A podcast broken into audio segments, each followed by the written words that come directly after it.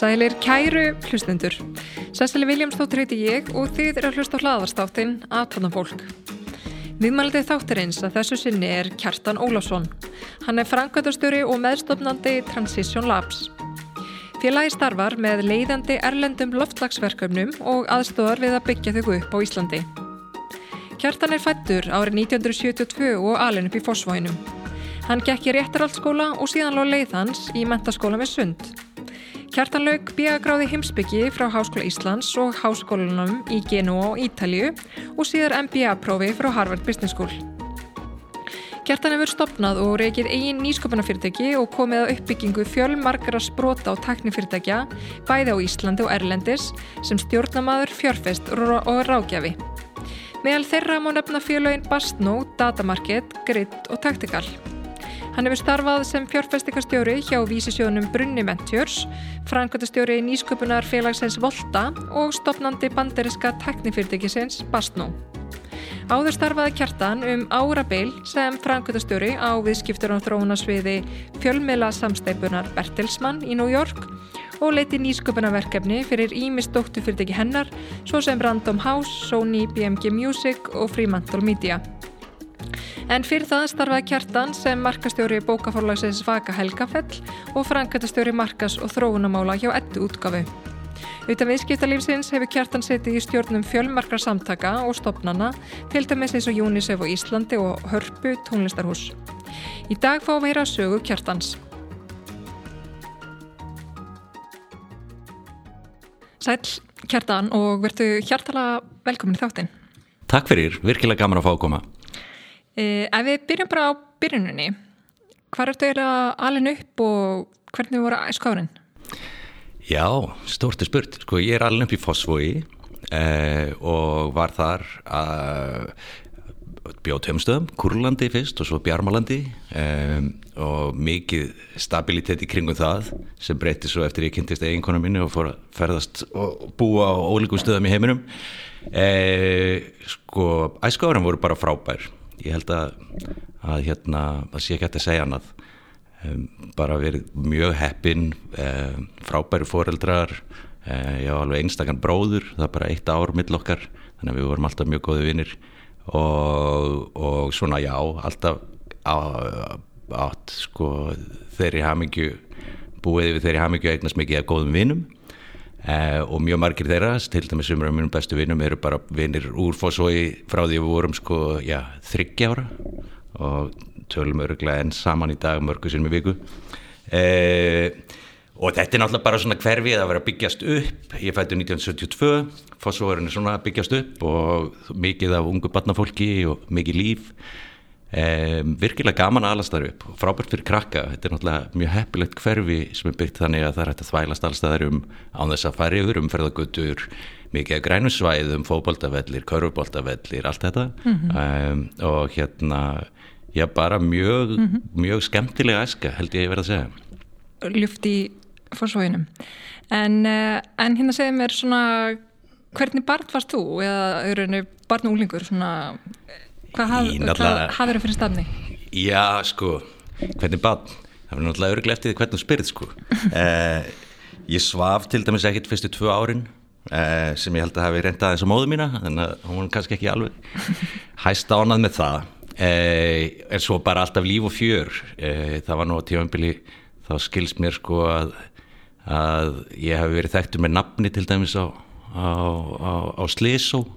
Það var mm. alltaf eitthvað að gera eitthvað vittlis og og meiða mig og róta mig og ég veit ekki hvað og hvað og, og svona þannig að það var alltaf einhver hasar og læti mm. eh, þetta er bara svona eins og góð gleði ríkæska sko bara mm. stöðut út í, í fótbalt og körubalt með vinnunum sínum mm. eh, ég við minn vinnahópur var ákvaðum svona minn næsti vinnahópur við vorum aldrei að æfa í þróttir eh, sem var mjög sjálfgeft í mínum árgangi í í fósóinum, allir vikingar mm.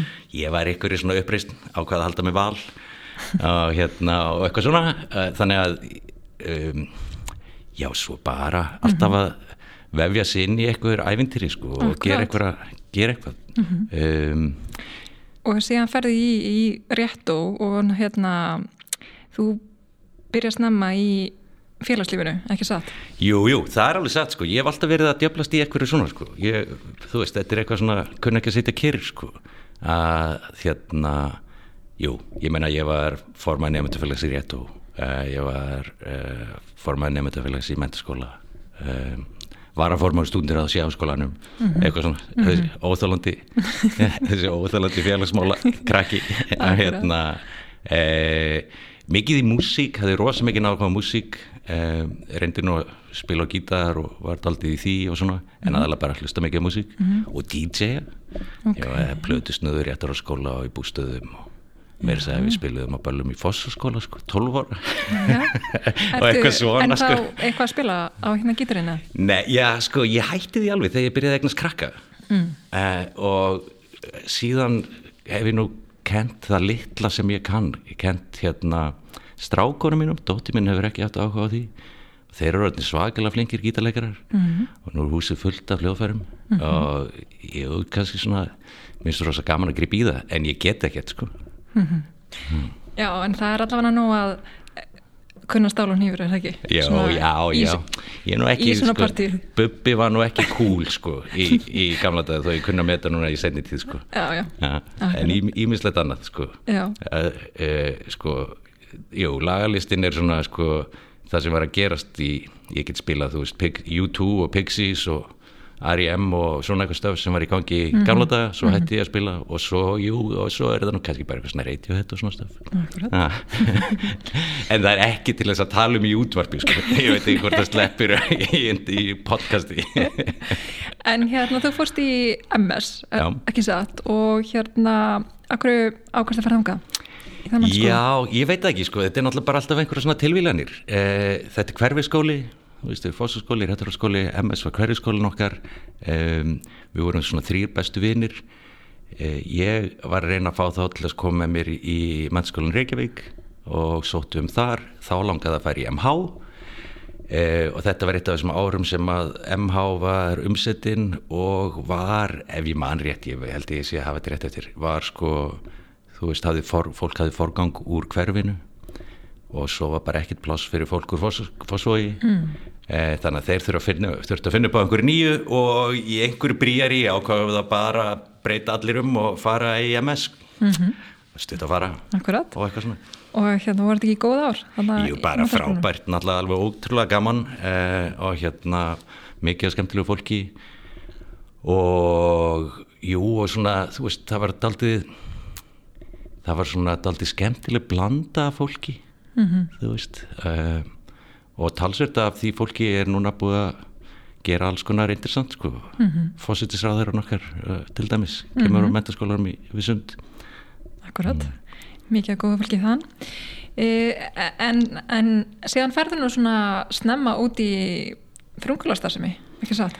Jú, ég geri það sko, ég held að sko fyrst þú varst að spyrja um æskuna að þá held ég að það kannski hafi líka smávegis, þú veist ég er alveg upp við að vera fást við eitthvað nýtt sko uh, ég var náttúrulega í, fjöl, í mídiabransa í Ameríku sérstaklega og það er nú kannski ekki síst vegna þess að pappi var alltaf í því. Pappi var uh, lang yngstur uh, allra í stopnenda teimi sjónvarsins á sínu tíma og las fréttir og fréttastjóri þar lengi og dagsargerð alls konar.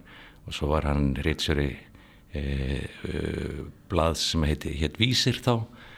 Og síðan þegar ég er tí ára sem að held að hafi stórkostlega mikil áhrif á þú veist hvernig eh, hafi mótað mig talsvert að þá stopna foreldra mínir eh, bókaforlag sitt eigi fyrirtæki. Eh, og þau heita Elin Bergs og Ólafur Ragnarsson. Og, og það náttúrulega bara var bara lítið fjölskyldu fyrirtæki til að byrja með og maður krakkarnir með í öllu þú veist, við gengum í öll störf hvort sem það var að vinna á lagernum eða gera svona þinn segin eða, eða ringi út og selja eitthvað eða, og svo framvegis. Og sko, og þau gerðu það sem ég held að hafa verið alveg stórkostli lífskeiði eh, fyrir okkur bræðuna að þau leiðu okkur að fylgjast með öllu. Við vorum með í öllu. Þú veist, ég man bara þegar ég er sko öruglega nýjára og verið að leggja drauna þessu og þá sitjum við fjögur saman og verið að að finna nafn á fyrirtækið mm -hmm. og velta því öllu saman upp og þú veist, við fengum að vera með í þessu öllu saman mm og þannig einhvern veginn sko, þú veist eh, tveimur áratugum á þeirrin ég fer í sko sjálfur í MBA-nám að þá held ég að maður hefði fengið talsverðan forsmekk af svona, fengið svona sko eldhús MBA mm -hmm. að þú veist, við kvöldverðarborðið var, var verið að ræða um hvaða höfund ætti að gefa út og að hverju og hvað hefði komið upp í reksturinnum eða starfsmannamál mm -hmm. og svo mhm. framvegis og við vorum bara með í þessu öllu saman mm -hmm. Og, og, og þau voru nú alveg ótrúlega sko, slingi því að að keira bókaútgáfi sem var bæði sko, menningarlega metnaða full og pappi var nú meðal annars eh, sko, útgefandi Haldur Slagsnes lengi og margra réttifönda eh, en á sama tíma fundu þau leiðir til þess að láta reksturinn ganga mm -hmm. sem var algjörlega uník á 20. öld á Íslandi mm. sko bókaforlög voru stopnuð og fór á hausin innan 5 ára sko eða eitthvað þau í, í löngum bunum heil kirkjugarður af því en þeim tókst að reyka bókaforlag þau 20 ár sem þau stýrðu því hvert einasta ár í, í pluss mm -hmm. uh, og það var náttúrulega bara frábær skóli sko -hmm. og, hef, og, og þá þurfti náttúrulega að vera mútsjóna sem og finna út úr nýju og þau stofnuðu bókaklúpa og gerðu svona hins einn alls konar þannig að maður er alveg upp við það að vera neina alltaf að finna út úr því hvað er hægt að gera nýtt og öðruvísi ef mm -hmm. eitthvað hefði ekki gengið áður Akkurat. og jújú, jú, ég menna, þú veist það þýtti þetta að maður blandaðist inn í að og fór sjálfur að búa til alls konar mm -hmm. þú veist um, og hérna síðan kemur að, að, að útgáfu borspils, ekki það? Jú, jú, jú, svo ger ég það sko, það var nú svona einvittlesan sko, að ákveða eða einu sumri í að búa til, byggum við bræðum til spil, borspil sem heitir Fimblefamb um, sem, sem mm. var ansi vinsælt þá. Markir Íslandingar það ekki? Já, ég held það nú sko og hérna og það var náttúrulega ótrúlega gaman bara, þú veist, það er mjög gaman eins og þú veist og aðrir sem hafa búið til eitthvað, hvort sem það er fyrirtækið annað, það er rosalega gaman að setja fyrst með einhverju hugmynd og sjá hann og svo verða til mm -hmm. og svo kemur hann bara, þú veist, úr prentun og er til og verður til búðir og selst og svo er fullt af fólki búið að njóta þess og eitthvað og það er rosa gaman sko, ég var þarna 21 árs og um, það var svona mjög skemmtilegir hlutir samt í framlýstuferlinu mm.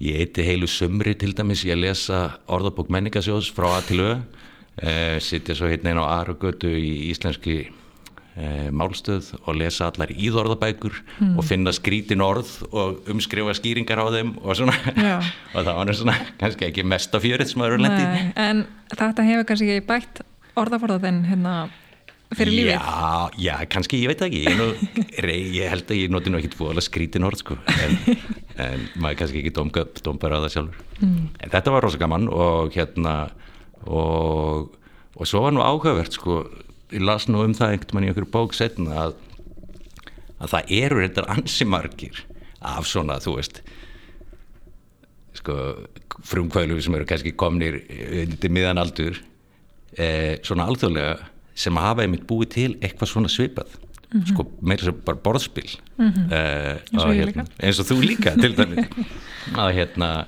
og það var náttúrulega eitthvað sem er bara óvart sko, ég mm -hmm. hafði náttúrulega ekki hugmyndum að það væri eitthvað góða skóli mhm. eh, en Já, já, þannig ég hef alltaf verið að búið eitthvað til. Já, en uh, síðan leikur leiðin í Háskóla Íslands og þú verði í heimsbygginum. Hérna, af hverju valdur þau heimsbyggina? Já, sko, aftur er þetta sko ekki af higgjuviti heldur bara fyrir hefni að maður ratar, að maður ratar á eitthvað skemmtilegt sko.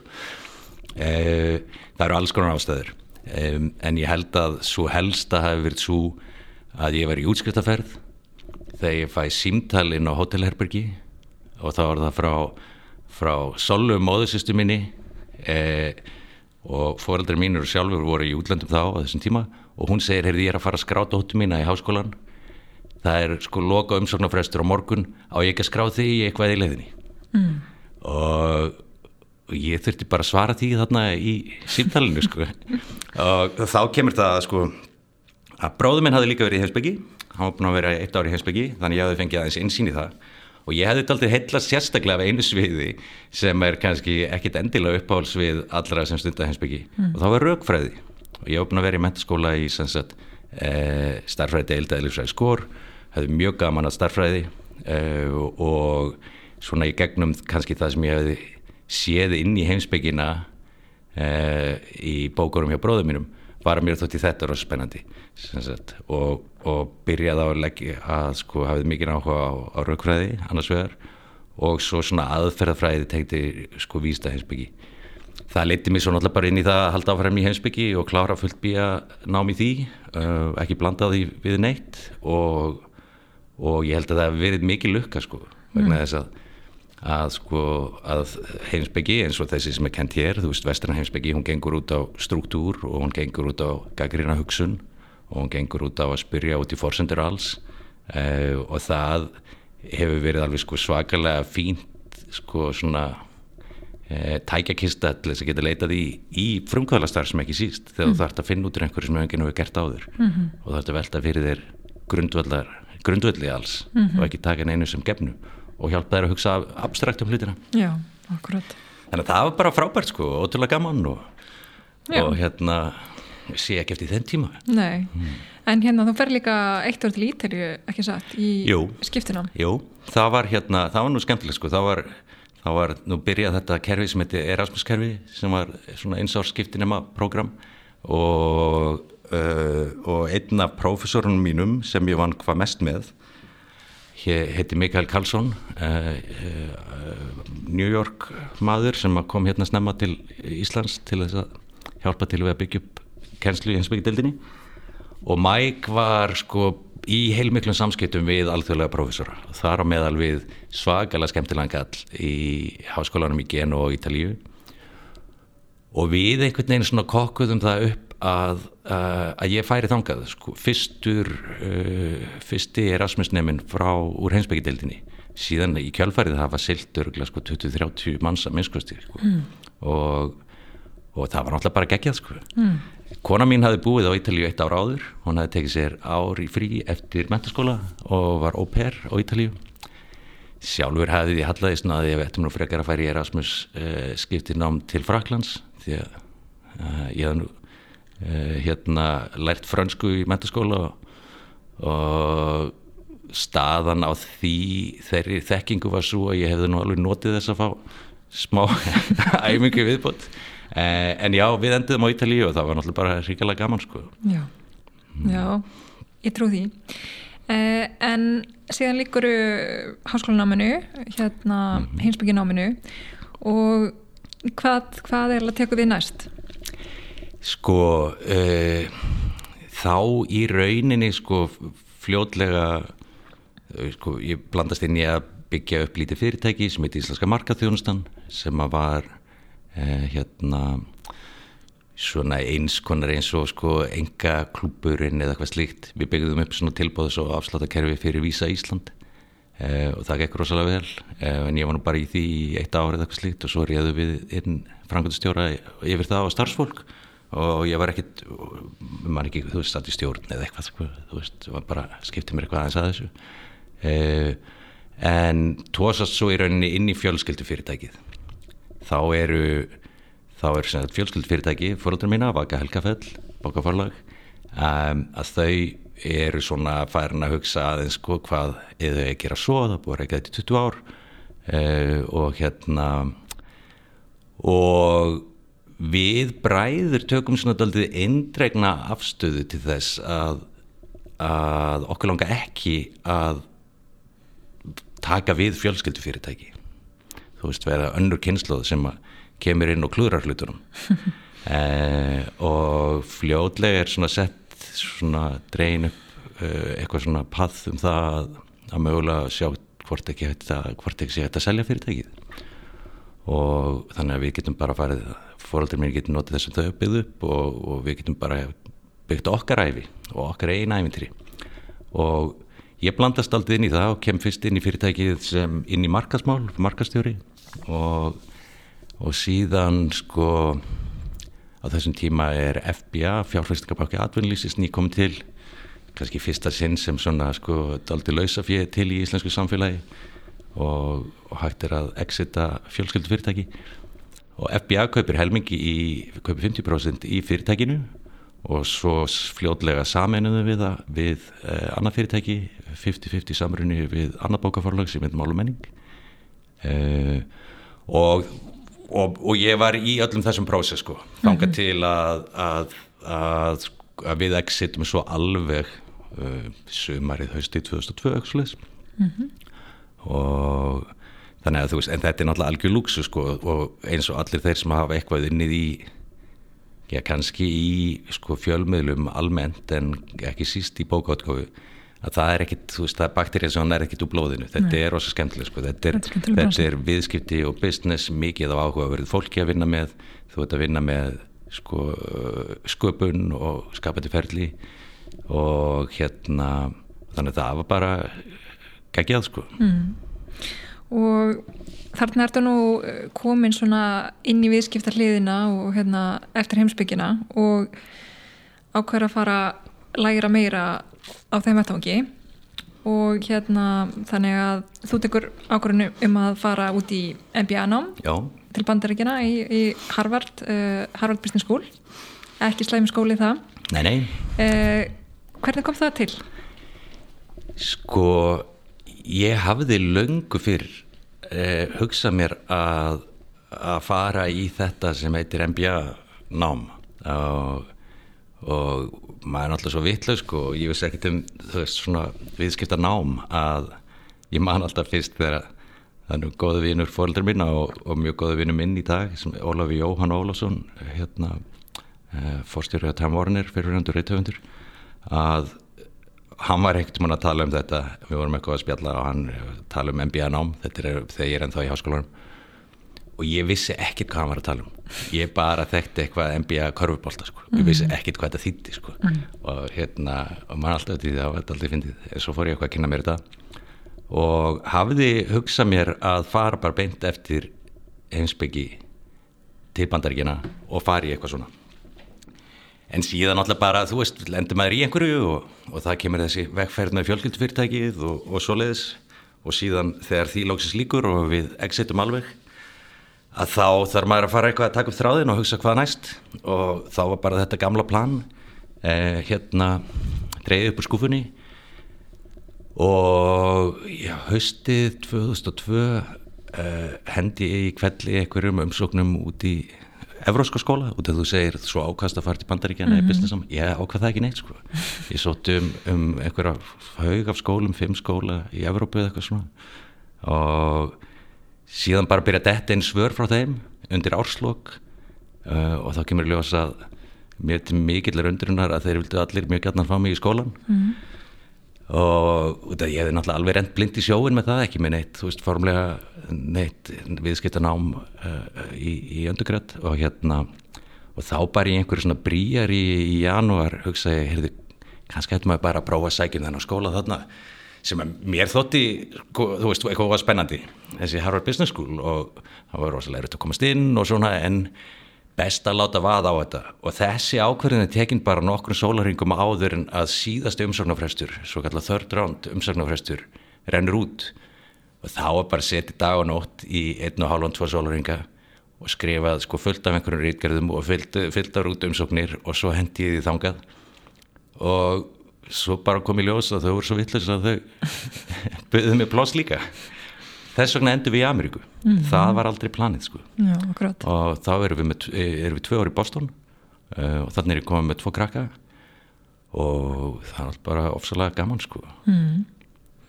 og hérna hvernig voru svona áring hjá okkur í Boston, hvað höfðu þið svona helst fyrir stafni? Sko ég var á haus bara að læra mm -hmm. uh, það er, er ansið mikið álægi í þessum skóla Já. þú veist uh, þeir sem hafa verið í viðskipta námi hafa pró, margir prófað þetta sem heitir case method og hérna hjá okkur var alltaf sko þrjá dagi viku voru þrjú case, tvo dagi viku voru tvö case, svo fylgta á öðru lestir til viðbútar mm -hmm. allt gengur út á þáttöku í tímum mm -hmm. og, og þó ég hef verið alveg tilturlega sko slingur í ennsku og allt það að þá er bara að stíga inn í eitthvað svona og svið sem að sko ég hef fengist viðskiptið en ég hef aldrei verið að aldrei lagt mér sérstaklega eftir því að lesa um þau veist, bara það að byrja að díla við svakalegt álæg af lesefni og rosalegt álæg í tímum svona, að þú veist, fyrri veturinn var ég bara að læra sko. mm -hmm. en hérna e, en rosalega gaman við erum alltaf útrúlega mikið af skemmtilegu fólki alveg úrvala fólki allstaðar aður heiminum uh, og hérna fjölskyldunni leið vel þarna Boston held ég sé fyrir svona Íslandinga sem er að koma til bandaríkjana þú veist að þá er Boston ágætt svona millilending mm -hmm. áður en maður fyrir bindin í New York eins og við gerðum svo setna mm -hmm. uh, hún er svona daldi sveitaleg og auðveld og þægileg og, og hérna og náttúrulega og þess að bærin heiti Cambridge sem er það sem að Harvard er og MIT og fleiri góði skólar og það er bara svona lítill lítil, lítil borg sko, lítill bær og mikið gödulíf og mikið lifandi og náttúrulega mjög mikið af ungu fólki í þessum stóru háskólum Uh, og hérna bara svakalega lífskeiði sko. mm -hmm. þannig að við bara blómstriðum öll þarna þó ég veri aðeins sveittur yfir bókunum Já, og hvað er það tókstu svona einna mest út úr þessu námi? Sko ég sko ég held að í mínu tilviki út af því að, og þannig kannski aðeins ólíkt milli fólks, út af að ég var búin að vera djöfla svo mikið í alls konar business. Bæði varandi rekstur en líka varðandi sko að vera involveraður í sölu á fyrirtæki og verðmat og allt þetta og byggja upp einhver fyrirtæki og svona.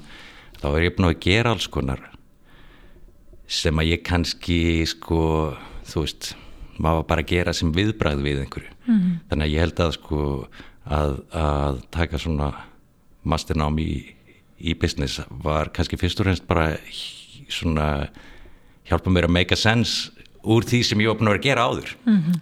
uh, og og svo bara, þú veist, kynist ótrúlega mikið af áhugaveru fólki, alveg ríkalega lífskeiði eiga sko fullt á góðum vinum allstaðar í heiminum mm -hmm. um, Heldur þú hérna, ennþá miklu sambandi við það fólk? Ég, við hefum fullt á góðum vinum þú veist, í og svo kom þessi, sko, þú veist, sömdaði skemmtilega sem að gera er að heimsækja vini sína í útlöndum mm -hmm. og sérstaklega þegar hópar koma saman eins og þegar einhver er að gifta sig eða eitthvað svona, mm -hmm. þú veist og það er alltaf geggjað sko þegar mm -hmm. það er búið að gerast ídreikað að fara á skrítna staði í heiminum í brúðköpi á einhverjum gamlu skólafélaga og það hittast allir gamlu vinnitir aftur -hmm. og, og svona sko og hérna, já já og svo var náttúrulega er það þannig að örgla hátt í helmingurinn af útskrifta árgangnum hjá mér var sko réðsi í vinnu niður til New York. Svo eru við þar í mörg ári viðbót. Þannig að það náttúrulega styrkti, styrkti sko vinaböndin mm -hmm. til viðbótar. Akkurat.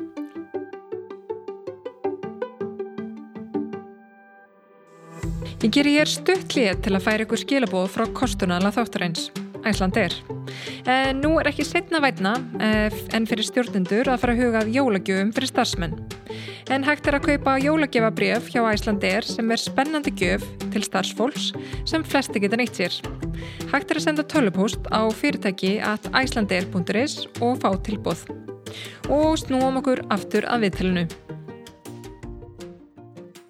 En uh, eftir námið þá akkurat uh, flytiði til New York mm. og getur sagt okkur hvað hérna hvað þið gerið næst? Já, sko eh, það er nú eitt af því sem er sko, þú veist er nú einn, einn af kostunum við að fara í svona skóla eins og Harvard Business School að, að hérna að sko það opnar svo marga dýr þú veist þetta var frábær skóli, æðislegt nám og allt það en ég veist ekki um að það er hægt að komast í sko jafn gott nám og, og læri jafn mikið eða meira í mörgum öðrum skólum. Ekki spurning eh, en, en hann er einn af þessum skólum sem að sko vinnuveitendur til dæmis sækja í til að leita talenti. Mm -hmm. og þannig að maður fær rosalega mörg tækifæri. Og það er kannski, þú veist, ósangjant gagvert restina af heiminum sko að, að allir horfi á einhverju örfáa staði til þess að ráða fólk. Eh, en þannig er það bara.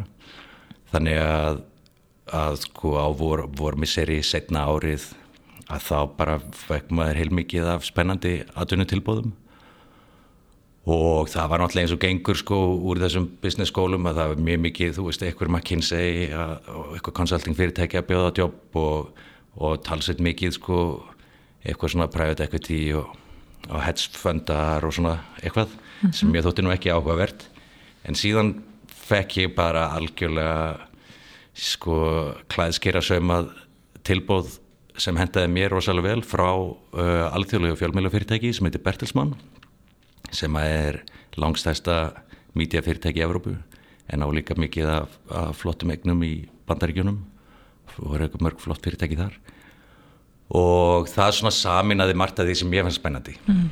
það er að segja að þau buðu mér starf eh, sem að gengur út á að vera frumkvöðul inn í reysa mítja fyrirtæki og það eru, sko, eru, eru 115.000 starfsmenn í fyrirtækinu e, í 63 landum e, þetta er reglíf utanum nokkur hundruð fjölmjöla fyrirtæki af öll mögulegum tóa og hérna og þetta starf sem ég upphaflega er áðin í og sinni þarna fyrstu árin hjá Bertelsmann er, heitir bara að vera Bertelsmann Entrepreneur. Og þá er bara, þú veist, þá er bara borgar í forstjóri yfir fyrirtækisins öll laun og allan kostnað, allt sem þú vilt.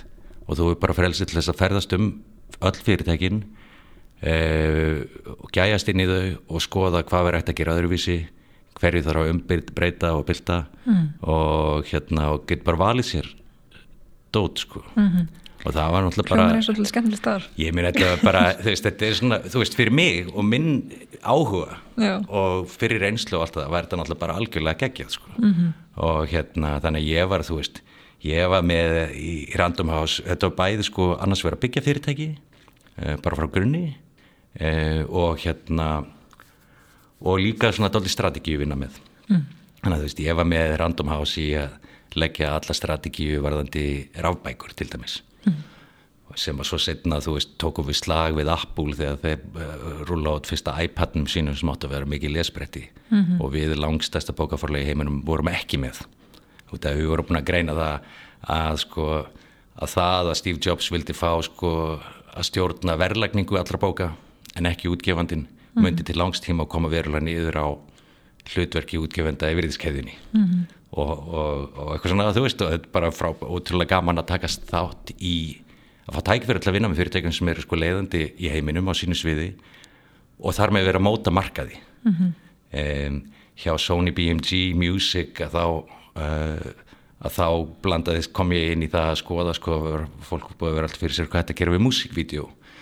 Við byggum til sko rúmlega eitt þriði af öllu músikvídeóm í heiminum og frá því MTV hafði verið fundið upp eh, að þá hefði þetta verið kostsendir og verið lítið svo á að þú veist bara að, að, að, að plötu útgefandin ætti að fjármagna músikvídeó gefa þau ókeppis í sjónvarp og líta þau sem mm -hmm. ókeppis auglýsingu fyrir tónlistin og tónlistamannin þegar þau verið spiluð mm -hmm. eh, en þetta er sko þetta er þarna 2007 svona, 2006 eh, og, og ég kem bara inn og segi við breytum þessu bara í hljóttum að geta haft tekjur af þessu á internetinu mm -hmm. og svo förum við bara í það og byggja fyrirtæki kringu það syndication platform til þess að lefa öllum mögulegum að taka músikvídeó hvort sem er frá okkur um Beyoncé eða, eða, eða Bob Dylan sko, mm -hmm. allt þar milli sem að voru tónlistamenn hjá, hjá okkur og þú veist og þá ger ég set saman strategíu og business modelið geri auglýsingasamning um fyrstu 5 miljón dollarana í, í auglýsingapakka inn í kerfið hjá okkur og við keirum príról auglýsingu undan vídjónum og allt í ennum á hver sem er í heiminum taka þau og setja síðan hjá sér löglega mm. eh, og svo er þetta nú í dag fór svo endanum sko saminæðist operasjón hjá Universal Music líka og er, er risa fyrirtæki í dag í, og þú veist svona, alls konar mm. við vorum, heldum annað heimil í London stóran hluta 2006 líklega. Það byggði upp nýja deild fyrir sjónvarsfyrirtæki sem heitir Fremantle Media. Og deildin hétt FMX Fremantle Cross Media. Og þá var það eins, þú veist, sjónvarsbransi hefur alltaf verið eins þar að segja production hliðin á því. Eh, stúdíun þrá eitthvað koncept pizzaði á stóru sjónvarsnetworkin þau annarkvært segja já eða nei og ef að Fox eða CBS eða einhver sko, hérna eh, líst á formatið að þá er það framleitt. Sjónvarsframleiðandi stúdíóið á aldrei kontakt við áhorfandan og stjórnar litlu í því. Og þannig að við fórum bara bjóð til nýja deilt sem var rúlað út í sko, stúdíón sem við áttum þá í 40 landum um heiminn sem að bara var að gera tilraunir með sko, nýjar treyfileiðir sem að stafræna umbyltingin í mítið að var að að bjóða upp á og svona. Mm -hmm. og þannig erum við með assetta sko, við erum þetta fullt af leiknuefni út um allan heim en þarna var sko moneymaker fyrir fyrirtækið. Sko raunveruleika sjónvarp. Mm. stórkostlega fyrirbæri. Eh, en við áttum sem sagt format eins og Amerikan, eða Idols um allan heim, American Idol var þá sko, þá verður 30 miljón áhörundur í hverju viku. Það var jafn stort og Super Bowl. Mm -hmm. bara í hverju viku. Ja. En við vorum líka með X-Factor og Got Talent til dæmis bara í hæfileika kategóriunni mm -hmm. en þetta var rosalega skemmtilegt að geta unni með svona hluti mm -hmm. þar sem að allt læðist á eitt í auðvöldamanni að búa eitthvað til mhm. Akkurat Greinlega mjög lífandi fyrirtæki líka Já, bara svakalega Spennandi mm. En uh, síðan þróastu líka eitthvað í starfið þarna í Berlismenn og, og svona þitt startóldi breytist Getur sagt okkur aðeins frá því? Já, svo var þetta nú meira bara svona sko, þú veist í rauninni yfirstjórnar eða meira strategíu og að, að sko leiðbeina öðrum en að byggja verkefnin sjálfur sko. eh, og og hérna og svona hlut af þeim lærdómi er sko, það var alltaf bara frábært og gaman og allt það en hlut af þeim lærdómi er sko, ég er bara gaman að því að vinna vinnuna Mér, ég er búin að komast að því fyrir löngu mér leiðist að stýra til dæmi stórum hópi starfsfólks eða þú veist eitthvað slíkt sko. þannig að hlut af því þegar ég ákveð svo að, að yfirgjöða Bertilsmann er að ákveða að aldrei að byggja stóran struktúr í kringu sig áttur heldur bara lítil teimi mm -hmm. og, og reyna að hafa sjálfur tækifæri til þess að vera í vinnunni sjálfri þú veist, sumir eru þú veist, mér lætir undir ágætlega að vera stjórnandi held ég, en hérna eh, en það er ekki skemmtilegast sem ég ger í er -hmm. miklu skemmtilegur að vera í kreatíva prósessnum að búa eitthvað til eh, koma að því sem að það sem verður að taka ákvarðanir um vöruna sjálfa eða þjónustuna sjálfa eða svo framvegis mm -hmm. en ekki vera að hugsa um starfsmanna halda alla daga eða þú veist einhverja einhverja sko það er náttúrulega alls konar sko intríkur líka í stórum fyrirtækjum þú veist með þú veist svona rosa struktúra mm -hmm. hluti gerast hægt þú veist það var hægt að ráðast að hafa sjálfur hlutum upp að svona 1-2 miljón dollara í einhverju verkefni sem við vorum að gera. Ef maður ætlaði að gera eitthvað stærra þá þurftu það að fara fyrir einhverju investment committees einhver staðar og þá liðu margi mánuður að það kom botn í eitthvað og eitthvað svona. Og ég var orðin á endan búið að fústræðar á mm -hmm. hvað svona stór uh, uh, stór fyrirtæki hreyfði sírunni hægt. En um leið var náttúrulega sko rosalegu lærtumar af því að vera í stór fyrirtæki sem er bara leiðandi á öllum sínumörkuðum í heiminum að sjá líka sko veikleika þess og, og sannfærast um hvað þú veist lítil operasjón getur rauninni gert margt mm -hmm. þannig að mér langaði að fara aftur tilbaka í það mm -hmm. og hérna og svo gerist það bara að þú veist ég er búin að vinna þessu fyrirtæki í 5-6 ár og 6 ár held ég að það verið og hérna e, og góða með grænt kort út e, í bandaríkjónum og svona mm -hmm. sem því að ég get sjálfur ráði starfsfólk mm -hmm. e, og allt það þannig að þá ákveði ég er að búa til sko, hugmyndi var að búa til einhvers konar að fara í það að að hérna að í rauninni búa til svona enga versjón af því sem ég hefði verið að gera áður fyrir Bertelsmann mm -hmm. það er að segja að móta sko ég er svona ég þjáist af því að fá endalust af hugmyndum mm -hmm. og með sko ótrúlega margt sem ég langar að gera. Já, mjög langan lista. Mjög langan lista. Og allir sé ekki, það eru örgleiki undir 50 sko business case sem ég er búin að flössa út alveg bara sko uh, product developmentið í og business caseið og bara allt sko. Og svo þarf maður bara að finna tíma til að byggja það. En mér langaði þetta alltaf að láta reyna á það að búa til einhvers konar sko mitt eigi privat startup studio þar sem að ég myndi vera að þróa sko svona rapid prototype og, og þróa grunninn að mínum eigin fyrirtækjum en stíga svo út áður en maður tækin peninga til að læsast ekki inn eins og frumkvölar þekkja. Um að þú tekur inn peninga frá fjárhæstum að þá er yfir eitthvað krafa á að framkvæmda stjórn og likil starfsfólk sé fast áfram. Eh, og hérna mér finnst bara lífið allt stutt til þess þegar maður er með fullt af hlutin sem maður langar að gera. Þannig ég ákveða er að búa til soliðis plattform og reyna að þrá eitthvað aldrei að mínu einstafi og eignast þá einhvers konar sko, afsökun til þess að koma reglulega til New York og vera þar inn í því sem er þar að gerast jáfnvel þó ég myndi flytja aftur heim til Íslands mm. vegna þess að þessum tíma er að í rauninni ákveða að finna okkur leið til þess að komast, koma aftur heim á hérna og e, og ég ger þetta fyrsta fyrirtæki sem er búin til, heitir Basno um, það lifir nú ennþá en það var nú ekki svo fræða för sem það var endilega lagt upp með.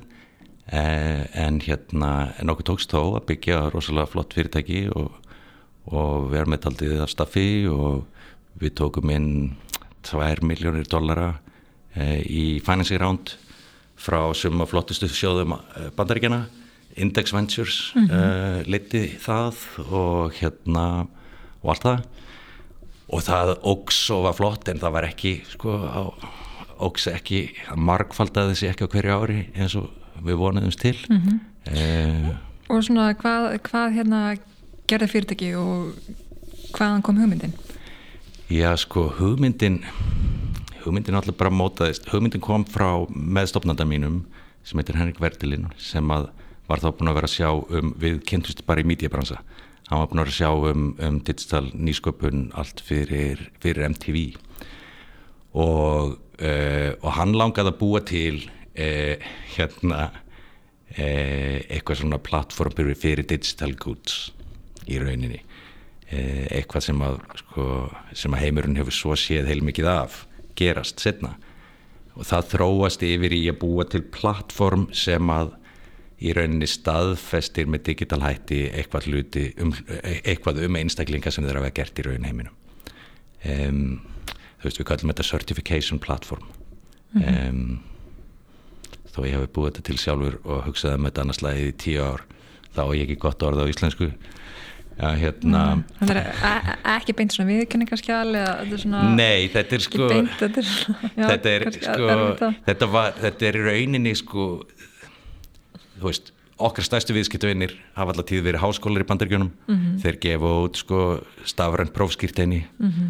uh, sem að svo tæknin breyti sko tímabili var, var það mjög vel integrerað í hluti eins og LinkedIn uh, sem að svo breyti LinkedIn strategíunni sinni sem hafði áhrif á okkur uh, þannig að þú gast sko staðfest að þú hafði lokið námi í þessu eða hinu eða þú sért Certified Public Accountant í þú veist New York fylki eða mm -hmm. svo framvegis og framvegis mm -hmm. það var engin annu leið þá til þess að staðfest og það er í rauninni ekkit marga góða leiðir enn í dag sko til þess að gangur skuggum að það sem fólk segir um sig eh, á netinu sé satt mm -hmm. en allavega en síðan fengum við alls konar sko hérna þú veist ég sko þá kom einhver árið það sem sko meirinn helmingur allra sem hlupu marathón hlup í Ameríku fengu út gefna digital metalíu gegnast plattformið okkar og eitthvað svona mhm. alls konar sko, mm -hmm. það var svaka búm og gekk rosa vel fyrst og svo bara fjaraði undan en þetta lifir ennþá, það er ennþá að servisa mm. alveg slatta af, af kunnum sko en, en er nú ekki og nær endum saman og allt það mm -hmm. en er nú ekki mín mesta fræðar fyrr Nei, en hérna hvað er það svona gekk uh, best hjá okkur og hvað svona gekk uh, verst í þessu? Já, ég held að sko... Hvað voru stærstu mistökin, heldur þú? Ég veit ekki, þetta er svona samsapna af alls konar, uh, en hérna, en uh, sko, þú veist, þetta er svona hlutir sem eru bæði blessun, sem maður veit, sko, ég held að það er bæði verið frábært og líka ókostur að við tókum peninga frá flottust sjóðum bandaríkjana. Þú veist, uh, hann er alltaf rosalega gaman að fá, fá peninga frá Index Ventures og, og það er leitt af sko, einum þeirra sko, mestu stjórnu partner og allt það. En um leið gerist það að hérna uh, að þegar að við vöksum uh, ekki þú veist tífalt á hverju ári að þá missa sjóðunir sem áhugan þeir mm -hmm. sjóðir sem að sjá bara flottust hús, sjá öll flottust keisin í heiminum sko. mm -hmm. e, þannig að þú veist svona 2-3 árum setna að þá er þeir bara færðir að hugsa um eitthvað annað sko. mm -hmm. e, og að því leiti hefði kannski verið meira styrkur fyrir okkur að taka ekki endilega sko flottasta vísisjóð í heiminum heldur einhvern annan sem hefði kannski sko sínd okkur áhuga lengur mhm. og baka fyrirtækið upp e, lengur þannig að það var svona sko þú veist, tók aðeins lengri tíma að láta hlutina gerast -hmm. og þegar okkur vantaði auka slagkraft til þess að koma fyrirtækinu upp á næsta stig að þá var index ekkert fóðalega viljur til þess að koma með það -hmm. uh, en eins og gengur að þá eru þetta allir aðeiri fjárfæstar til dælega sko, skeptískir ef að flottasti sjóður í heiminum sem að liti síðast hefur ekki áhugaðið lengur mm -hmm. þannig að það var nú svona sko, eitt af því kannski sem að við kannski gerðum alveg rétt að gerum að rétt að velja flottast sjóði í heiminum með sér inn já, eða einn af þeim.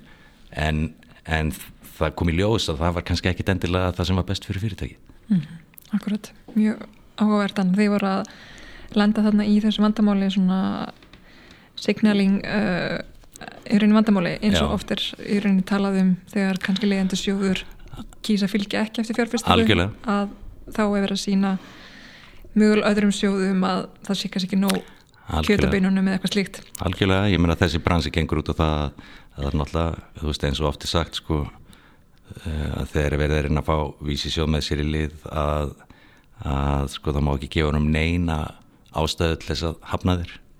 Vegna þess að, að hérna að allavega eftir sótustu fjárfæstar þeir sjá allt sem er spennandi í heiminum og þeirra verkefni er að finna þetta, þú veist, 1-2% sem er allra best. Mm -hmm og, og þurfa að vera superkrítiskir þannig að hvert einasta svona atriði sem að sá er einhverjum eða semtum eh, er náttúrulega, getur verið afdreyfaríkt mm, Akkurat.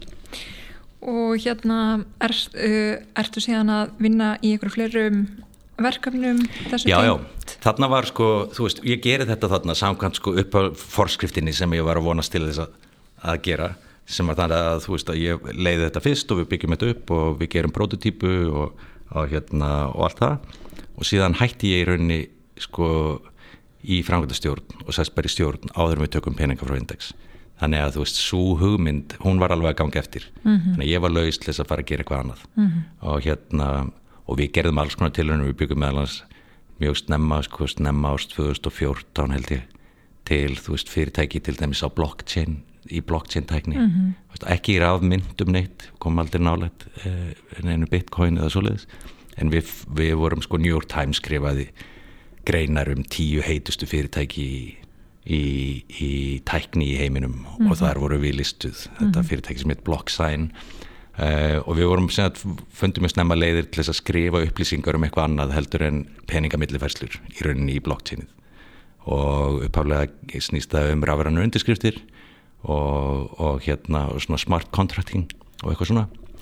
Eh, og en þannig er ég nú fluttur heim og hérna eh, og var með einhver svona vonur um að byggja þetta möguleg upp hér þannig að ég var leiður á að fljú alltaf fram og tilbaka til New York. Og eh, ákveðum að sækja til dæmis um ákveðum ákveðum meðstofnunum mínum við byggjum bara tækniteimið á Íslandi. Mm -hmm. ég finn leið til þess. Við sækjum bara, byrjum á að sækja hérna um í tæknitrónasjóði mm -hmm. og fáum daltin pening til að byggja þetta áfram upp áður við förum í financing round. Mm -hmm. og gefist peningar, hver er ekki til í það? Svo náttúrulega þá sá prósess tímafregur og allt það. Og við fengum svo endarum sko svar sem að hafnaði okkur og sagði meðal annars að tæknilegt nýna mig verið rosalega lítið. Raunum fjallum á því. Og að að þetta, þetta blockchain dót væri nú meir og meina búið sko. Já, já, akkurat. Hérna, Svo veit nú heimurinn hvernig sá bransi þróaðist millir 2014 og 20 eða eitthvað. Mjögulega kannski aðeins og snemma. Já, já, og ég, meina og þú veist, og það, það hefur verið ég hef verið, þú veist ég hef gert þau mistök oft sko að vera alltaf, vera of snemma sko. Mm -hmm. að reyna að díla við eitthvað sem bara heimurinn var ekki tilbúin í sko. En ég er bara svo vittlust ég held áfram að gera það Nei, nei, nei En uh, síðan að búin að hérna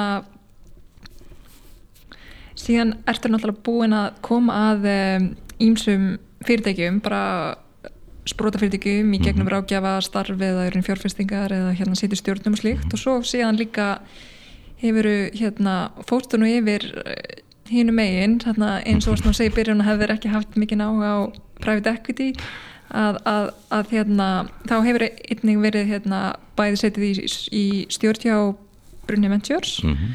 sem er svona íslenskur vísisjóður og, og einnig uh, í rauninni verið partnerinn í sjóðnum eða mm -hmm. erun sjóðstjóri að mm -hmm. einhver leiti -hmm. Já, já, maður er svo briskur sko, stundum breytir maður gegn betri vitund og, og, og fer, fer í eitthvað svona sko, ætlaði mér nú ekki að vera fjárfæstir uh, og í hérna finnst í rauninni alveg ótrúlega leðilegt þegar að sko margir halda það að ég, ég sé það, fólk setur eitthvað svona eitt merkja á einhvern, já hann er fjárfæstir það er alls ekki það sem ég er sko. Og hérna uh, og finnst það almennt leiðilegt sko. uh, hérna, en, en já, eftir að við komum heim að þá stopnaði ég mitt eigi fyrirtæki svona eignarhalsfélag og svona venturstúdíu sem heitir Volta og var að vasast í alls konar svoleiðslöguðu um, og hérna ætlaði nú að byggja meira fyrirtækjum sjálfur og er svo sinna fyrirtækjum mínum út í New York og allt það. En hérna en þá kemur rauninni svo veginn bara spinnst það áfram þannig að mikið af því sem er interessant að gerast hérna heima í höndum annara, ekki mín fyrirtæki að þau sko kannski maður sá að þau myndu njóta þess að fá inn í sína ræðir kannski eitthvað fólk sem hefði meiri reynslu af erlendumörkuðum uh, og þú veist heimurinn hefur breyst bara svo rosalega mikið. Sko núna er alveg algengt að erlendir vísisjóðir komið til Íslands eða Íslands tækni fyrirtæki fá erlenda fjárfestingu eða eitthvað svona. Á þessum fyrstu árum eftir að kem heim frá New York að það, það hefur það valla gerst og hérna það komið einhver peningurinn í CCP og ég, ekki það ég þekki söguna ég svo nógu vel en, en sagt, þannig að ég einhvern veginn dregst aðeins inn í það að vinna með öðrum uh, setja svona engla fjárfestast eins og það kallast uh, og bara þú veist, hérna er svo heppin að ná að vinna með fullt af interessant fólki í ótrúlega flottum fyrirtækjum. Þú veist, Hjalla í Datamarket og, og svo setna í Grid eh, báðum fyrirtækjum var í stjórninni og, og hérna og, og svona lukkaðist til þess að setja einhverja smá peningin í þessi fyrirtæki eh, og fleiri og fleiri sko skemmtileg sem ég vann með og það var ekkit endilega það sem ég ætlaði mér að gera vegna þess að mér er alltaf skemmtilega, þótt skemmtilega að byggja mín, mín eigin verkefni sko. mm. en hérna e, já og svo spyrðu út í sko venture capital dótið alls saman, vísi sjóðina e, ég var e, ég, ég verið tengdu Brunni Ventures í stjórninni frá því að sá sjóður fyrir lotti 2015 fyrir Brunni Reit og hérna og svo þegar að setni sjóðurinn Brunnur 2 fór í loftið fyrir einu og hálf ári síðan að þá leti tilleiðast að koma í sko meira starf þar. Um, en verandi alltaf svona híkandi við að vera fjárfæstir að það, að það og verið svona, og svona þú veist aldrei erfiður að þá bjóð ég mig til aldrei nýtt hlutverk sem hafði ekki verið til og ekki til í Íslandi áður og, lítið þekkt í Evrópu en er mjög þekkt í bandaríkunum sem heitir að vera venture partner. Þá ertu ekki í fulli starfi þá ertu löst hengtur einhverjum sjóði þú ert samt sko partner þannig að þú ert með í öllum ákvarðan, allir ákvarðanatöku og svo framvegis eh, en þú getur verið að vasast í alls konar öðrum með og og hérna já, ég var í því búin að vera í því núna í eitt og hálft ár eitthvað svo leiðis en er að vinda ofan af því núna. Mm -hmm að, hérna, og það er nú aðalega vegna þess að, ég, að, að annað fyrirtæki sem átti nú bara að vera svona eitthvað sem ég geti synd til hlýðar er búið að vinda daldið upp á sig. Mm -hmm. og hérna og það er eiginlega svona fullreint að það er ekki hægt að sinna sko, bæði brunni og því á sama tíma þannig að jú, ég steigi yfir í þetta sem stundum er kallað the dark side í startup-bransanum að vera á fjárfæstingar hliðinni en nú er ég svona feta mig tilbaka úr því Akkurat. En já, og það leiður ykkur að því sem þú ert að gera núna, sem er ótrúlega spennandi, en uh, þú ert akkurat framkvæmstjóri og annar stofnanda löfslags fyrirtæki sinns Transition Labs. Mm -hmm. Getur þú sagt okkur uh, hvað það fyrirtæki gerir og, og, og, og svona hvað þið segja okkur í framtíðinni? Já, sko... Eh Við erum, eh, sagt, við, við erum tveir, ég og Davíð Helgason sem að hérna, eh, ég unni með þessu verkefni mm -hmm. og, og við stofnum þetta saman síðasta haust, það er bara komið eitt ár síðan. Akkurát að, hérna, og, og Davíð er okkur fyrirumstofndi Unity og hérna var líka í viðtaleina hjá aðtunafólki á, á, á undan. Já, einmitt, já, já sko Davíð er náttúrulega algjörsnillíkur. Mm -hmm. ótrúlega skemmtilegur og klár og er búin að hérna og búin að gera náttúrulega ótrúlega hluti. Ég menna það er náttúrulega algjörlega ótrúlega að byggja upp þetta fyrirtæki Unity upp í sko úr engu og upp í það sem það er í dag. Uh, og hérna þannig að það er verið rosalega gaman að vinna saman í þessu. En þess að við erum báðir áhuga samir um lofslagsmál umhverfismál uh, og og Davíð hefur nú verið virkur fjárfestir á því sviði í mörg mörg ár og er sjálfur núna að, að hérna og var búin að leggja drauga því að setja upp sjóð eh, sérstaklega svona lofslagsfókus eh, hérna vísisjóð sem opererar í London. eh, en síðan erum við bara að spá í þú veist hvað er hægt að gera til þess að svona leggja setja mörgum í að berja skegglása spreytingunum og eftir að hafa svona krönsað þetta daldið að þá í rauninni komist við að því að, að við getum haft mest áhrif með því að vera styðja við aðra. Ekki með peningum Transition Labs er ekki fjárfestingabatteri eh, heldur, heldur framkvæmda batteri og þá kemur í ljós að og við lítum svo á að þú veist allavega sömar af þeim lausnum sem að sko heimurinn þarf á að halda til þess að byrja að takast á við losasvandan sumar af þeim lausnum eru bara til. Til ótrúlega mikið af flottu hlutum. Uh, en en margar eru en sko skrefið frá því að fara úr tilrunastofu eða fara úr einhverju pilotskala yfir í það að byggja sér upp á stórum skala og byrja að hafa áhrif að sko það ferli er flókið og rosalega tímafregt bæði, þú veist, náttúrulega eins og við þekkjum bara í, þú veist, í digitalbransa og í startfyrirtingum almennt, en það er jáfnveil flóknara þegar þú ert að gera eitthvað nýtt í raunheiminum. Veist, þá þarf alls konar, þarf að finna út úr alls konar hlutum. Og hérna þannig að við ákveðum að reyna að búa til batteri sem getur stutt við lofslagsfyrirtæki annara og hjálpa þeim að finna út úr því að byggja svo upp á skala í fyrsta sinn. Mm -hmm. Íslenskra um, og líka erlendur fyrirtæki Sko við erum bara eins og er að vinna með erlendur fyrirtækjum mm -hmm. því að uh, og hérna uh, og aðstofa þau sko. Og þú veist þetta er svona ekki þú veist, þetta er ekki svona hetjulegt sko, þú veist, við erum ekki í lofslagsfrumkvöðlinn sem finnur upp gegjaða tækni eða eitthvað sko, heldur, þetta er meira svona þú veist, ég hef stundum líst þessu sem að vera sko ljósmóðir sko, þetta er svona ljósmóður hlutverk sko, þú veist, við erum að, að reyna að hjálpa öðrum frumkvöðlum að fæða sínar hugmyndirinn í heiminn, þú veist, hrætt og öruglega á þess að eitthvað óvend komi upp á. Og hérna e, og við sjáum að við höfum mest fram að færa með því að sko styðja við flottustu lofslagsverkefni alþjóðlega. Og við erum alveg svakalega mikið innbánd uh, eh, af bara öllu því flottasta sem er að gerast í heiminum. Uh, og við förum í gegnum þau fyrirtæki og metum hver þeirra myndu passa Íslandi vel. Ég menna þú veist það getur verið alls konar hlutir. Það er rosa mikið spennandi að gerast í því sem heitir Blue Carbon það er segja eh, lofslagsverkefni sem heitir Hafið til þess að berja lofslagsbreytingum Eh, við, svo er náttúrulega, þú veist, allt þetta basalt á Íslandi og allt það sem fyrirtækis og Carpfix nýta en það nýtist líka í ymsar aðra lofslagsvisnir eh, við höfum okkar grænu orku og svona framvegis. Þannig að við förum yfir að skoða með þessi fyrirtæki sem að eru þá yfirleitt búin að hljóta vístilega viðkenningu uh, og eru ágætlega fjármögnuð og eru bara sjá fram á nokkura ára þrautagöngu áður en þeir geta byrjað að operera á skala.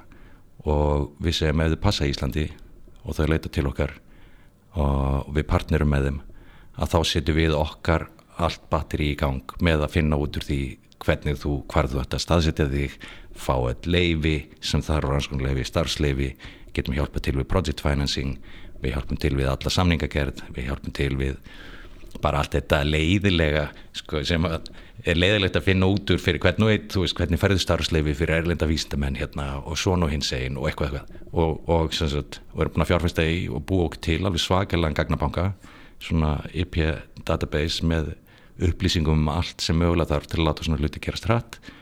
Og, og er að vinna með alveg æðislu teimi sem við erum búin að setja saman sem er samansettur af fólki sem einmitt sko mikið úr startupbransanum mm -hmm. fólk sem hefur framkvæmt áður mm -hmm. verið að djöblast í hlutum áður eh, og hérna eh, og svona er til í að vera útsjóna samt í að láta hluti gera strættu örgla og, og þetta hefur allavega enn sem komið er sko, þú veist þegar maður leggur í eitthvað svona nýtt það, það er ekki til svona batteri í heiminum eh, annar staðar en þegar maður leggur í eitthvað svona nýtt þá veit maður aldrei hvað gerist mm -hmm. en núna þessu fyrsta ári að þá erum við allavega búin að eða alls konar óvísu um það að til dæmis fyrsta fyrirtæki sem við störfum með, partnerum með ákveð tókst því að koma því uh, á halvu ári uh, í starfsemi á Íslandi á, á talsverðum skala, ég menna ég held að það séu 15 fulltime starfsmenn núna og einhverju 15-20 verktakar í, í fulltime-minu líka í tengslu með það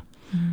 og, og hérna þú ert að veitna hérna í Running Tide. Það fyrirtæki sem heitir Running Tide Uh, og er með skrifstofur hjá okkur nýri í, í lækvötu uh, með okkur. En er svolítið með stóra starfsemi upp á grundatanga og vísindastarf upp á Akranissi svakalega flott fyrirtæki sem er af, sko, ein af þessum lofslagslausnum sem að gefa manni svona slæra mestu svartsýnina varandi framtíðina. Mm. uh, svakalega flott tækni sem gengur út á ótrúlega einfalda aðferð til þess að taka kólefni úr hröðu kólefnisringrásinni niður í hérna hægu aftur.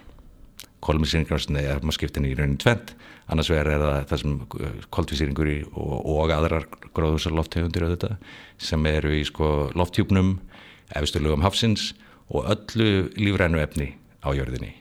Eh, og ringrásin þar er yfirleitt sko talin í áratugum og kannski upp í hundrað ár. Þú veist það er ræktað einhver skóur, þetta 50 ár er hann færin að falla tríin og, og farið að leys, losa aftur uh, eh, kólefnið sem áfa bundið og svo framvegis. Uh, og hérna en síðustu 150 ár hefur mannkynni verið í því að pumpa kólefni upp úr hægur hringrásinni í formi olíu, kóla, gass og svo framvegis og hleypa upp í þessa röður hringrás. Og ef við ætlum að einhvern veginn er inn að díla við lofslagsvandan að þá þarf tvent að gerast. Í fyrsta lagi þarf við þetta að minga sko losun á gróðursaloftegundum mm. úr öllum stegum hakkerfisins og það þarf bara að gera og það er, það er gerist með alls konar sko, tækni og lausnum og ábyrgum lífsátum og allt það en á endanum verður kannski fyrst og fremst drifið áfram af, af regluverki og pólitík eh, en síðan þarf til viðbótar að grýpa sko gróðursáloftegundir sem hafa sloppið út í andurslóftið á síðustu eh, 150 árum eða svo og komaðum aftur tilbaka á nýjörðina og við erum að horfa á sérstaklega að flýta þeim lausnum sem að, sem að sko líta út fyrir að verði hægt að skala eh, og geti gert þetta á cost-effective hátt. Vegna þess að, að, að það er, er alltaf dýrt að taka hvert tonn af af, af kólefni og randurslottinu e, að þá er ólíklegt að það gerist. Þannig að við erum að reyna að flýta þessum fyrirtækum komið um að skala. Já, þannig að hugmyndin er þessi að, að partnera með flottustu uh, áhrifaríkustu lofslagslöfnum heimsins uh, hjálpa þeim að byggja sér upp og hjálpa þeim að ná stærðarhagkvæmni og eigið alls konar óvissu sem tengist verkefnunum þeirra. Þannig að þau eigi auðvöldar með svo að, að kópera sig og byggja sig upp um allan heim á því mótili sem við leggjum grunninn að á Íslandi. Mm -hmm. og, og það sem okkur langar að gera og það sem drýfur okkur áfram er bara að flýta fyrir því að effektífustu lofslagslustinnar byrja að virka. Vegna þess að glukkin er sko ótrúlega stuttur. Ég menna Íslandi með, með sko lofvörðum um, uh, lofslagsmarkmið fyrir 2030 mm -hmm. það er eftir réttur um sjö ár og þú veist og við erum beinleins með alþjóðlega skuldbyttingar eftir 17-18 ár, 2040 mm -hmm. þannig að ef okkur tekst eins og uh, við erum svona lítur út fyrir núna mm með þá reynslu sem við komið með ef okkur tekst að flýta verkefnum um 1 til 3-4 ár jáfnvel að þá getur það bara haft verulega áhrif og líklega það besta sem við getum gert til þess að hafa áhrif í, í þessum, þessari lofsagsparatu en Running Tide er bara fyrsta verkefni sem við byggjum upp og nú er það komið og búið aðeins svo gott sem sitt sjálfstæða lífa á Íslandi þó við séum við menn þá einar handar með alls konar þannig að við erum bara byrjað og erum byrjuð að vinna með næstu verkefnum mm -hmm. Þó ég með ekki segja frá þeim Nei, nei, nei. Mm. kannski mjög á eftir nei, nei. En, en já, þannig að þér sjáu kannski fyrir einhver þetta verið kannski þrjú til fjögur verkefni árið eitthvað slíkt Já, ég meina, ég er að gera mig vonur um það þetta getur mm. orðið sko nokkur verkefni ári sem við byggjum upp hér og, og þar með, með því að, eins og ég segi, taka sko óvissu út úr keisinu hér sé svo hægt að, að hérna, auðvelda þessum verkefnum að byrja að hafa árið fyrr auðvelda þeim að fjármagna frekar uppbyggingu og, og svo framins og þetta er náttúrulega bara algjör luxus, þú veist, við erum að vinna með öllu því mest spennandi sem er að gerast á þessu sviði í heiminum. Mm. uh, við fáum rosalega mikið innbánd af öllu því sem okkur dreymir um.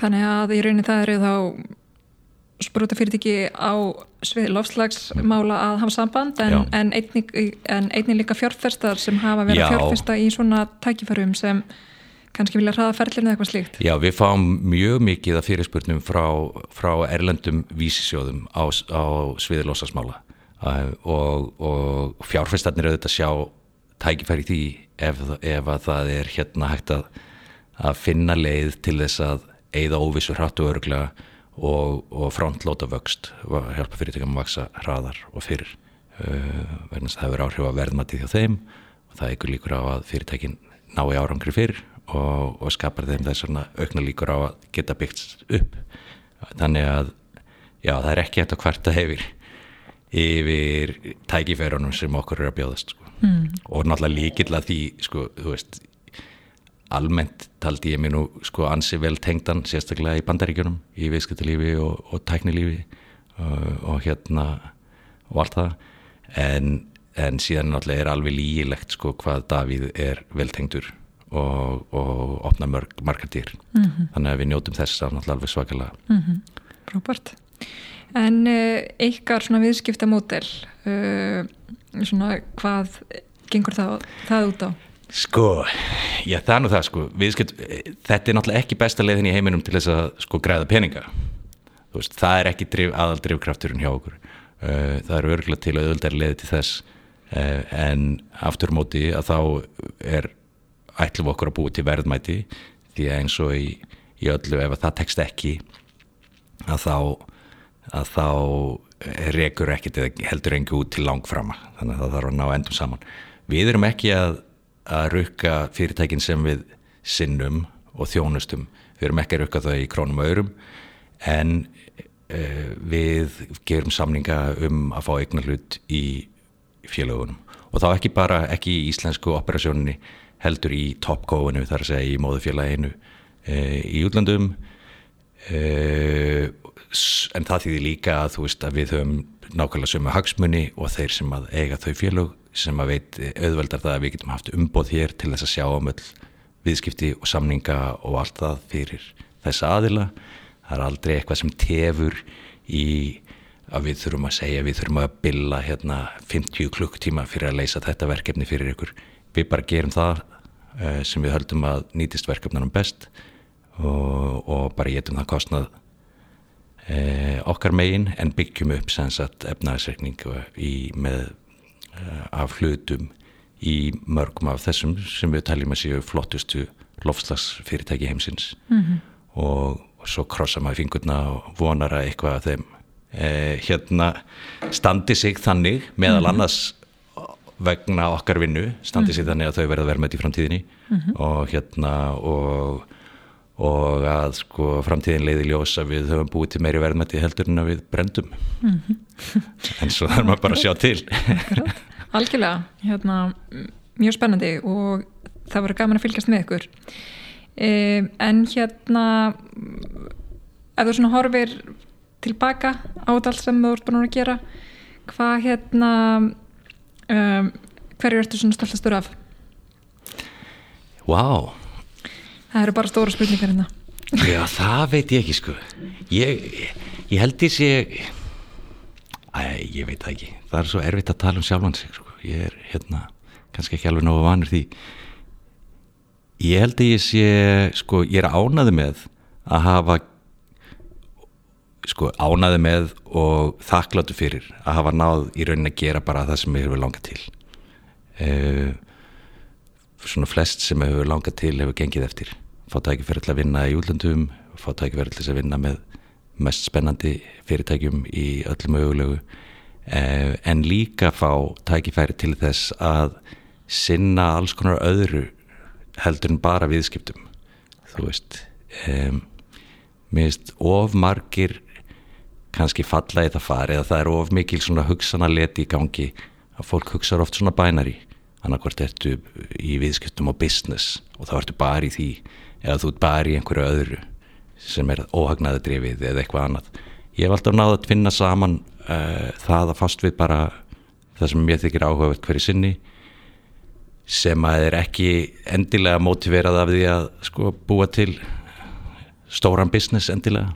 Uh, alltaf gefið mig tíma í allt mögulegt annað hvort sem það tengist menningum og listum bæði í bandaríkjunum og, og Íslandi eða starfa lengi með batterjum eins og UNICEF, batnahjálp saminuð þjóðana og allt, allt það uh, og hérna og það er kannski svona aðeins saminast svo í þessu nýja fyrirtæki okkar uh, það sem maður er að reyna að leggja setja mörgum í að gera eitthvað gott inn í heiminn í varandi lofslagsmálinn en að nýta sér það sem maður kann af öðrum sviðum í viðskiptum eða og, og, og, svona framkvæmda slagkrafti til þess að flýta því. Og ég veit ekki hvað maður að segja hvað eitthvað eitt sem maður er stoltastur á sko. Bara þakkláttu fyrir að hafa að þetta hafi gengið allt vel og gengið upp. Þakkláttur fyrir að hafa verið í útlandum þegar íslenska efnaðsöndir ekki ekki yfir. Ég held að, að hérna, það er mikil blessun til dæmis. Flyttið til bandaríkjana 2003 uh, áður en að ég held að það sé áður en fyrsta skuldsetta yfirtækan átt sér stað á Íslandi svo komum við heim 2010-11 eitthvað svo leiðist, þeir eru allt í búið þannig að maður þvældist ekki nýna vittlisu mm -hmm. uh, og hefur svona kannski bara átt aldrei svona sinn sína vekkferði gegnum uh, þennan karriér sko mm -hmm. og það er bara geggjað en, og hefur gengið vel og já, heldamyndin er það sem stendur upp úr -hmm.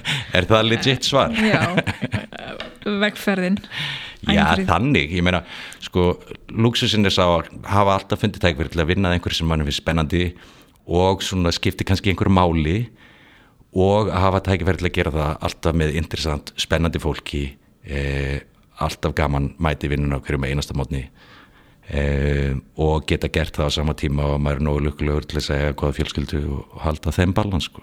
mm -hmm. það stendur upp úr Frábær loka orð eh, Kjartan Hólsson, takk kærlega fyrir komuna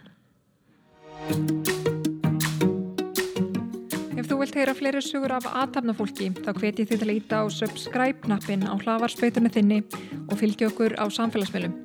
Ekki missa af næsta þætti.